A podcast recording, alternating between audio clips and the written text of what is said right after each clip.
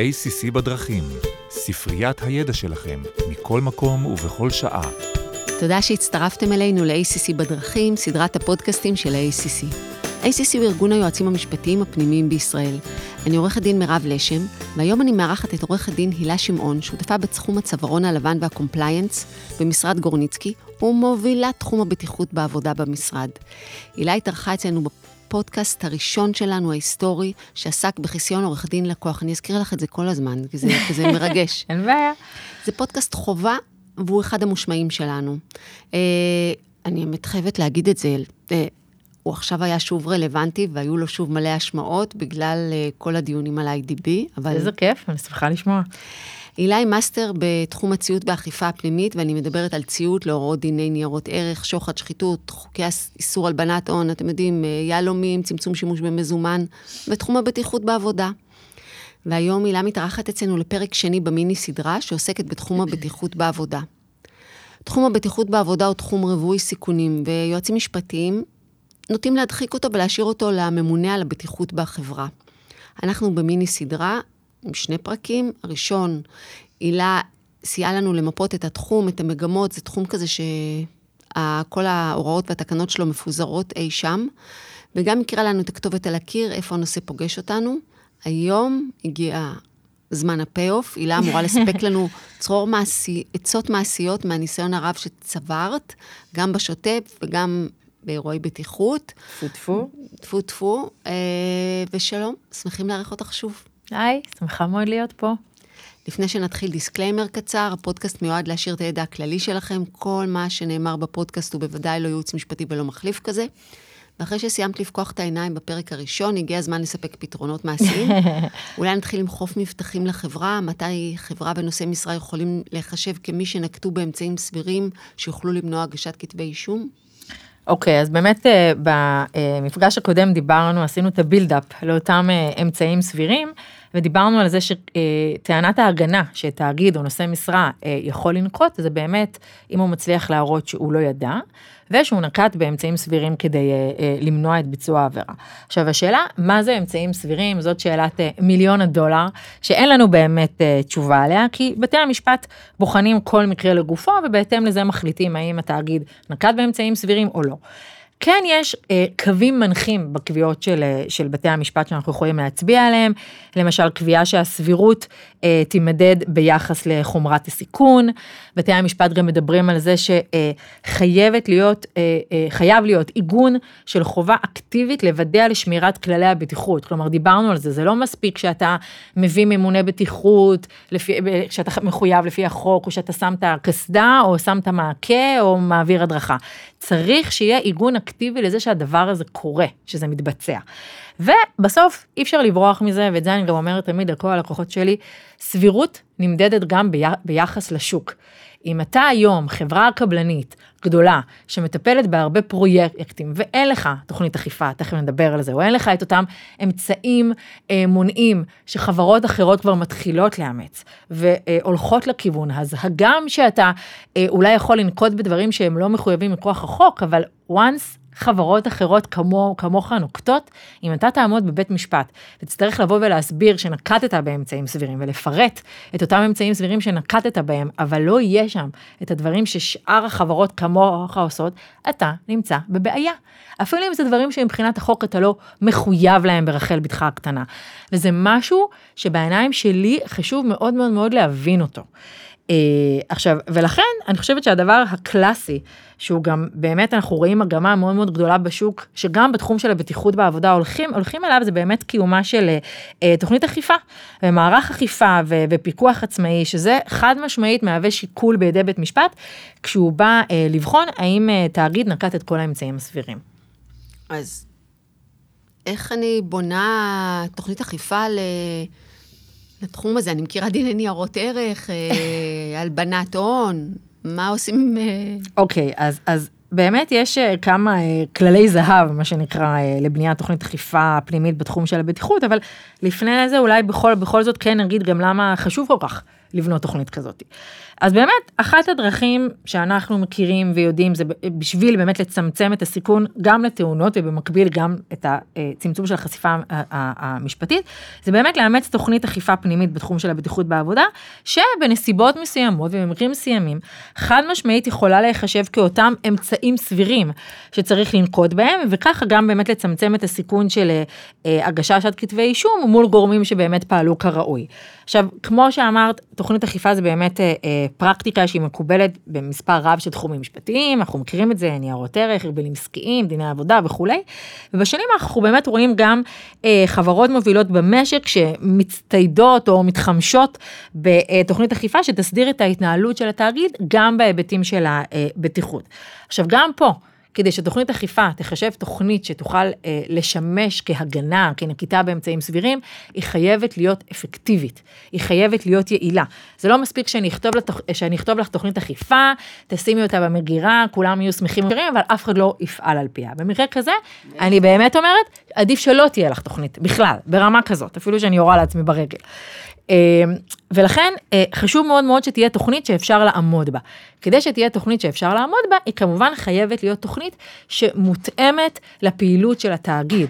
אוקיי? היא חייבת, חייבת להיות תוכנית כזו זאתי שהתאגיד יוכל לעמוד בה, שתואמת את הפעילות שלו, שתואמת את אה, נושאי המשרה שעובדים שם. אה, אני חושבת גם שכולנו כבר יודעים שבאמת תוכנית אכיפה היום זה דבר שהוכר גם על ידי בתי המשפט, גם בהנחיה של אה, פרקליט המדינה, שאמר ברחל בתך הקטנה, ש...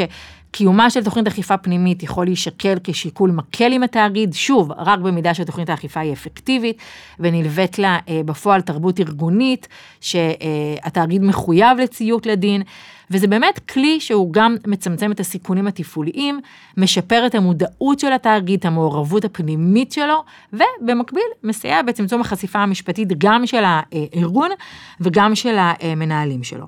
עכשיו חשוב לומר שזה לא רק בהיבטים הפליליים, אלא גם בהיבטים המנהליים, דיברנו מקודם על זה שאפשר להטיל עיצומים כספיים.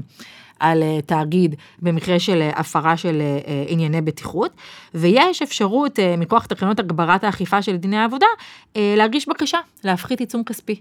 וכשאת מגישה בקשה להפחית עיצום כספי, יבחנו האם נקטת בפעולות למניעת הישנות ההפרה ולהקטנת הנזק. תוכנית אכיפה במקרים המתאימים בהחלט יכולה לענות על הדרישה הזאת, וכתוצאה מזה להפחית את העיצום הכספי. וזה דבר שאני לא יודעת כמה יועצים משפטיים מכירים היום. אז גם דבר ככה שחשוב אה, אה, אה, לדעת ולהכיר. בסוף, תוכנית אכיפה היא כלי שהוא אה, חשוב, הוא טוב, ואני יכולה להגיד לך באמת מניסיון אישי, שהרבה פעמים כשאני עושה עם חברות תוכניות אכיפה, וכאילו סיימנו את השלב של לשבת, ללמוד את הפעילות של התאגיד, למפות את הדברים שמתנהלים טוב, למפות את הדברים שמתנהלים פחות טוב אולי, וככה להאיר את הזרקור על המקומות הזה, יושבים ובונים תוכנית, ובסוף התוכנית באה ומאושרת, אם זה על ידי הנהלת החברה או דירקטוריון וכולי, ואני חושבת שלא הייתה פעם אחת שישבתי בישיבה הזאת, שבסוף את יודעת, את באה ואת מאשרת את התוכנית, שמנכ"ל החברה לא אמר שמעבר לזה שיש עכשיו תוכנית, והוא, את יודעת, ככה מרגיש קצת יותר רגוע ויותר זה, משהו בתהליך הזה של בניית התוכנית, שבן אדם שבא וישב ובחן והסתכל ואמר מה מתנהל טוב, מה מתנהל פחות טוב, העובדים עצמם באו ומה שנקרא, פתחו את uh, סגור ליבם ואמרו איפה הדברים שהם מרגישים יותר בנוח איתם, איפה הדברים שהם מרגישים פחות בנוח איתם, התהליך עצמו יצר איזשהו שינוי, הוא יצר מודעות, הוא יצר הבנה יותר טובה בתוך התאגיד, ובסוף המודעות, זה מה שיגרום בסוף לצמצום גם של אירועי הבטיחות וגם של החשיפה המשפטית. ויש משהו בתהליך הזה שבעיניי היום הוא קריטי לחברות, הוא ממש קריטי. אני חושבת שחברות, כשאתה בא מבחוץ לבדוק אותם, אם הם עשו מה שצריך, כל מה שצריך, אז אתה רוצה לראות שהם באמת אה, אה, את, את, אה, את, את, את השינוי של ה-DNA ואת המודעות שלהם. ברגע שאתה עושה את התהליך הזה, אתה גם חושף אותם לכל הסיכונים ולכל הממשל הנכון של בטיחות בעבודה, וזה בהכרח משנה להם את ה-DNA גם. זה, זה חלק מה... יפה בתוכניות אכיפה. כמו שאת אמרת... שהוא רותם, הוא רותם את כולם לתוך התהליך נכון, הזה.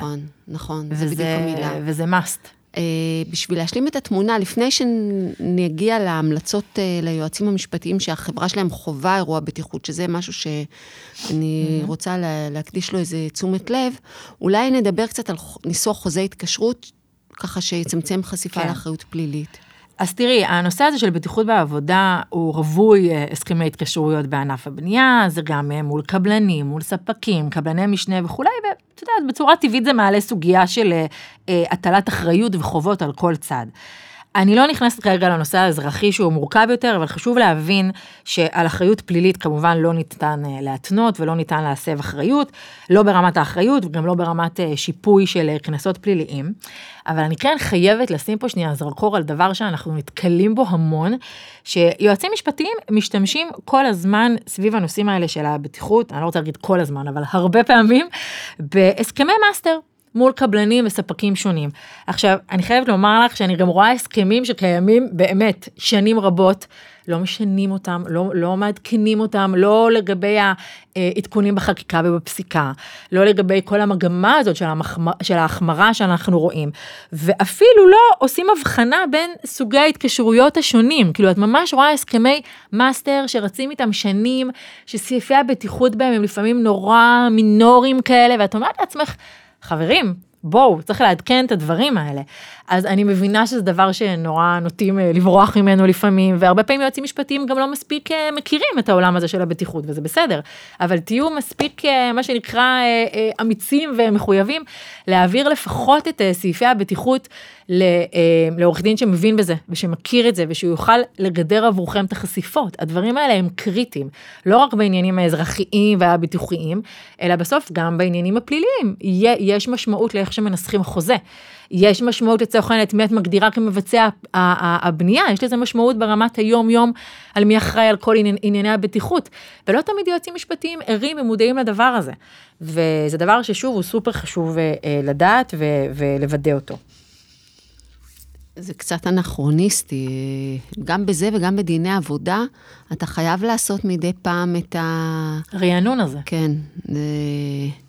אז uh, הנה, דבר ראשון, תקשיבו יועצים משפטיים, אתם תסתכלו על ההסכמים שלכם. Uh, אני הייתי, גם את כל העניין הזה של ה... הרי זה תמיד שרשור כזה, back to back, אני והקבלן והכל, אז לבדוק שבהסכמים מול הצדדים שלישיים יש את כל הסעיפים, הרלוונטיים לעולם הבטיחות. מי ייחשב uh, מבצע בנייה, גידור אחריות של הלקוחות, אה, כל הדברים האלה. אה, הגנה על עובדים, כל ה... אם לא, אז פשוט להעביר ליועץ החיצוני, והוא בודק לכם, וממשיכים הלאה, זה הכי נכון. כל הסכם בסוף צריך להיבחן לגופו. את יודעת, יש חברה שבפרויקטים מסוימים היא הקבלן המבצע, בפרויקטים אחרים היא בכלל היזם של הפרויקט, ואת יודעת, מכוח האנרקציה משתמשים עם אותם, אה, אותם הסכמים. וזה לא נכון, חשוב מאוד מאוד לעשות את ההבחנה הזאת. נכון. וזה התפקיד שלכם, יועצים משפטיים. אז אה, הגענו לקינוח, לעשה ואל תעשה בחלילה, חמסה חמסה. כשמתרחשת תאונת עבודה, ואני מודה שבהכנה לפודקאסט הבנתי שיש דברים שמנסים לעשות ברצון טוב ובתמימות, וזה מזיק. נכון. אז אה, חשוב מאוד להקשיב עכשיו. אז אני באמת אה, רוצה רק להגיד, לפני שאני נכנסת לזה, שזה באמת ממש ממש על קצה המזלג ומלמעלה, וזה בוודאי לא... תחליף לייעוץ משפטי, אם חס ושלום קורה איזשהו אירוע, חשוב, חשוב מאוד לקבל את הייעוץ המשפטי הזה. אה, אני ככה שמה, אני, אני לא יודעת אפילו אם לקרוא לזה עשה ואל תעשה, ויותר כמו אה, זרקורים של אה, נקודות, למחשבה שצריך לחשוב עליהם כשחלילה וחס קורה אירוע גם כזה. גם אם אתם עושים הדרכה, כחלק מתוכנית האכיפה, אתם עושים הדרכות איטיות, אז זה טוב ש... מה שאנחנו אומרים עכשיו, שזה מאוד בהיי-לבל, כן. שיהיה במודעות, כמובן שכשחלילה יש אירוע חייבים אה, ליווי צמוד, זה אין ספק לאף אחד. אוקיי, okay, אז בואו דבר ראשון באמת נדבר אה, אה, על ה, אה, מי אותם גורמים חקירתיים שיכולים להגיע במקרה שיש אה, אה, אירוע בטיחות. אז אה, בשנת 2018 הוקמה יחידת פלס, שזו יחידה משטרתית שהיא משותפת למשטרת ישראל, למשרד לביטחון פנים ולמשרד העבודה והרווחה, שהיא ספציפית באה לחקור תאונות עבודה, זו מטרת העל שלה, באמת להעלות את רף הבטיחות בתחום העבודה בישראל. אז זה גורם אחד, ויש לנו את שירות הפיקוח על העבודה, עבודה, שזה מכוח חוק ארגון הפיקוח, ששם יש מפקחי עבודה, שיש להם סמכויות שונות, אם זה להיכנס ולערוך אה, ביקורות, יש להם סמכויות חקירה שונות. עכשיו, חשוב לדעת שיכולות גם להתקיים כמה חקירות במקביל. ולכן, שוב, אני תמיד אומרת את זה, הימים הראשונים כשקורה אירוע הם קריטיים, תמיד חשוב להבין ולהכיר את הסוגיות, איך צריך להתנהל נכון במצב של חקירה, ולהיוועץ, להיוועץ, להיוועץ. עכשיו, החשיבות של ההיוועצות ושל הקבלת באמת ייעוץ משפטי מתאים, נובעת גם מהצורך להימנע חלילה ממקרים של, של שיבוש. הרבה פעמים שקורה אירוע בטיחות, אז בצורה מאוד טבעית, גם התאגיד עצמו רוצה לבוא ולעשות תחקיר, ואנשים באתר, מנהל העבודה עושה תחקיר, ומביאים את הממונה בטיחות, וכולם עושים תחקיר, תחקיר, תחקיר, שזה חשוב ומבורך, אבל כל דבר חייב להיות בעיתו ובזמנו. אם יש אה, אירוע, בטיחות שקרה, שמתוחקר כבר על ידי רשות חוקרת, אסור לך לעשות תחקיר תוך כדי. אוקיי? שמעתם? פה... חשוב מאוד. יש פה ממש חשש ל, ל, למצב של שיבוש, ולכן אם כן רוצים לבצע תחקיר, חייבים לעשות את זה באישור ובהסכמה של אותה יחידה חוקרת, שמאוד ייתכן שברוב הפעמים תגיד לכם, אתם לא עושים כלום עד שהם מסיימים את החקירה. אוקיי? זה דבר שחשוב מאוד לדעת אותו. עכשיו, יותר מזה, הרבה פעמים, כמו, כמו שמירב אמרה, מרצון טוב ומרצון לקדם, עלולים חלילה באמת להיכנס לעולמות של, של שיבוש. ולכן חשוב מאוד מאוד לא אה, לבצע שינויים בזירה עד שבאמת מגיע הגורם המפקח. חשוב לא לשוחח עם עובדים בחברה על האירוע או למסור מידע לגורמים שונים בחברה, כי אנחנו עלולים חלילה להגיע למצב של תיאום גרסאות. צריך מאוד מאוד להיזהר מזה. אה, לפעמים אנחנו מחויבים חוזית למסור מידע לצד שלישי, אם זה מזמין העבודה, שלפעמים גם מזמין העבודה הוא בכלל גורם ממשלתי, ושאנחנו מחויבים מכוח החוזה איתו להעביר לו עדכון ומידע על כל אירוע שקורה. גם פה צריך לחשוב, להיזהר איך אתה מעביר את המידע, מה אתה מעביר. וכמובן חשוב מאוד לתאם את זה עם הרשויות ולתאם את זה איתכם בתור יועצים משפטיים. ולכן חשוב מאוד מאוד להבין את האחריות שלכם בתוך הדבר הזה. ואני גם תמיד אומרת להביא עורך דין שמתעסק בבטיחות וידע לעשות את כל הכיוונים האלה, את כל ה, אה, מה שנקרא שיתוף פעולה בין כל הגורמים השונים. גם בכל מה, קשור, אה, בכל מה שקשור לתפיסה ומסירה של אה, מסמכים לגורם חקירתי חיצוני. יש לו אה, סמכות לבוא ולבקש לעיין או לתפוס מסמכים. אני מזכירה לכם, אגב, מירב הזכירה את הפודקאסט על החיסיון, גם פה יכולים להיות מסמכים שחוסים בחיסיון עורך דין לקוח. אם אתה מעביר את המסמכים האלה, צריך להבין שיש פה ויתור על החיסיון. כל הדברים האלה, הרבה פעמים קורים באתר. הם לא תמיד מתוקשרים למעלה ליועץ המשפטי, וזה דבר שאתם חייבים מאוד מאוד להקפיד עליו ולבחון שהוא נעשה בזמן אמת. ועוד אה, אה, ככה סוגיה אחרונה שאני רוצה לדבר עליה, זה באמת הנושא של דיווח אה, חיצוני בפנימי, במקרה שאירע אירוע בטיחות. כשאנחנו מדברים על דיווח חיצוני, יש כמובן הוראות חוק אה, בחוק שמחייבות לדווח, למשל, אם יש אה, אה, תאונת עבודה שגרמה לזה שהעובד הוא לא כשיר לעבוד שלושה ימים ומעלה, או שחלילה גרמה למותו של העובד, אתם מחויבים לדווח על זה למפקח על העבודה. מעבר לזה, כשאנחנו מדברים על חברה ציבורית, הרי חברה ציבורית, אם קורה אירוע מהותי, מחויבת לדווח. האם אירוע בטיחות נחשב אירוע מהותי? לא יודעת, תלוי במקרה. זה משהו שצריך לבחון אותו, זה משהו שצריך להתייעץ איתו עם היועצים המשפטיים של, של החברה. לא מן הנמנע שכל המגמת החמרה הזאת שאנחנו רואים היום, תגרום לזה שתאונות עבודה כן ייראו פתאום כאירוע מהותי. זה משהו ששווה לתת עליו את הדעת. אני לא באה לומר אם זה כן או לא, אבל זה דבר שצריך לחשוב עליו כמובן בכל מקרה לגופו. ועוד נושא שהוא סופר חשוב בנושא הדיווח, זה הדיווח הפנימי. הרבה פעמים כשחברה מבצעת תחקיר ויש לך ממונה בטיחות שמבצע תחקיר, או מנהל עבודה שמבצע תחקיר, צריך לזכור שהמסמכים האלה בקלות יכולים להפוך למסמכים פומביים.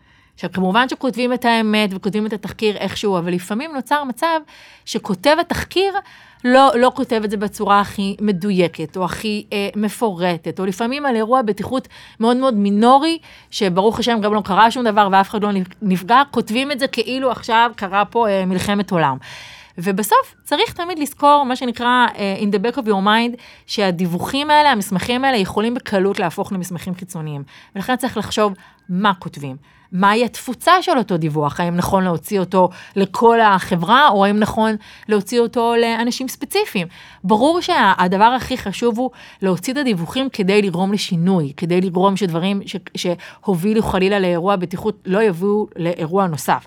ברור שזה הדבר הראשון במעלה, אבל גם צריך לחשוב מהתפוצה המתאימה, מה דורש דיווח ומה לא, לאיזה פורום אנחנו רוצים לשלוח את הדיווח? למי, ותמיד לזכור ש... יכול להיות מצב שהעמדה של כותב הדיווח היא לא תמיד אה, תחשב גם, או לא, או לא תמיד תשקף את העמדה של, ה, של החברה, היא לא, היא לא תמיד כוללת את כל המידע המדויק, ולכן במסגרת אה, מה שנקרא בנייה של תוכנית אכיפה, זה מסוג הדברים שבוחנים אותם ולומדים אותם ומקבלים החלטות ונהלים מתאימים בעניין הזה.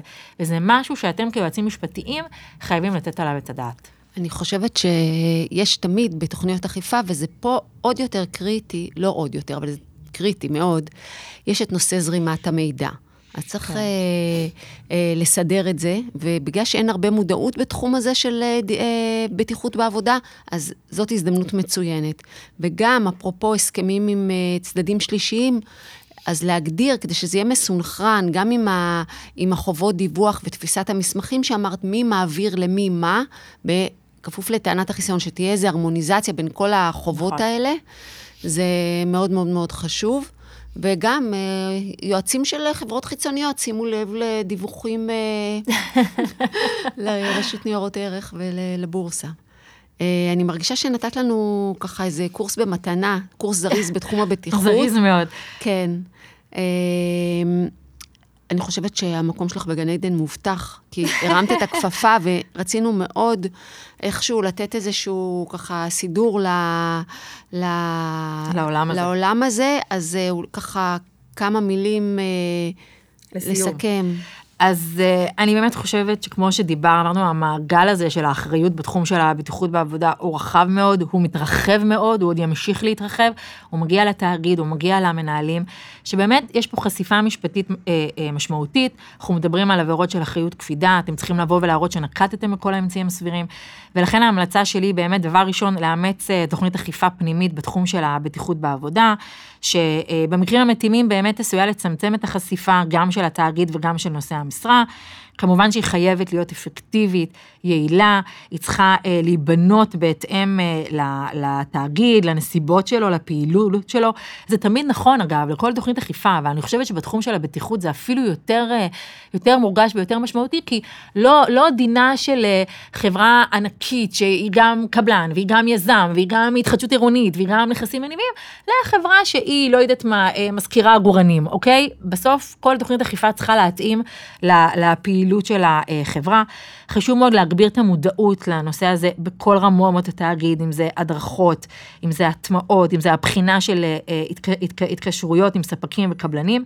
ובסוף צריך לזכור שאתם כיועצים משפטיים, כשקורה אירוע בטיחות, יש לכם אחריות ראשונה במעלה לתפעל ולתכלל את כל הדבר הזה, לדאוג שכל הזכויות אה, אה, נשמרות, להימנע ממצבים של שיבוש, סוגיות דיווח, מסירת מסמכים וכולי, ובעיקר מודעות, מודעות, מודעות לנושא הבטיחות. תודה רבה. אני אמרתי בפרק הקודם שאת הילה מלכה ואת כזאת. אני מחכה לפודקאסט הבא. תודה רבה, תודה רבה לך, מירב, תודה רבה ל-ACC, ולקובי. בקרוב, ולקובי, תודה קובי. ביי, להתראות. ביי.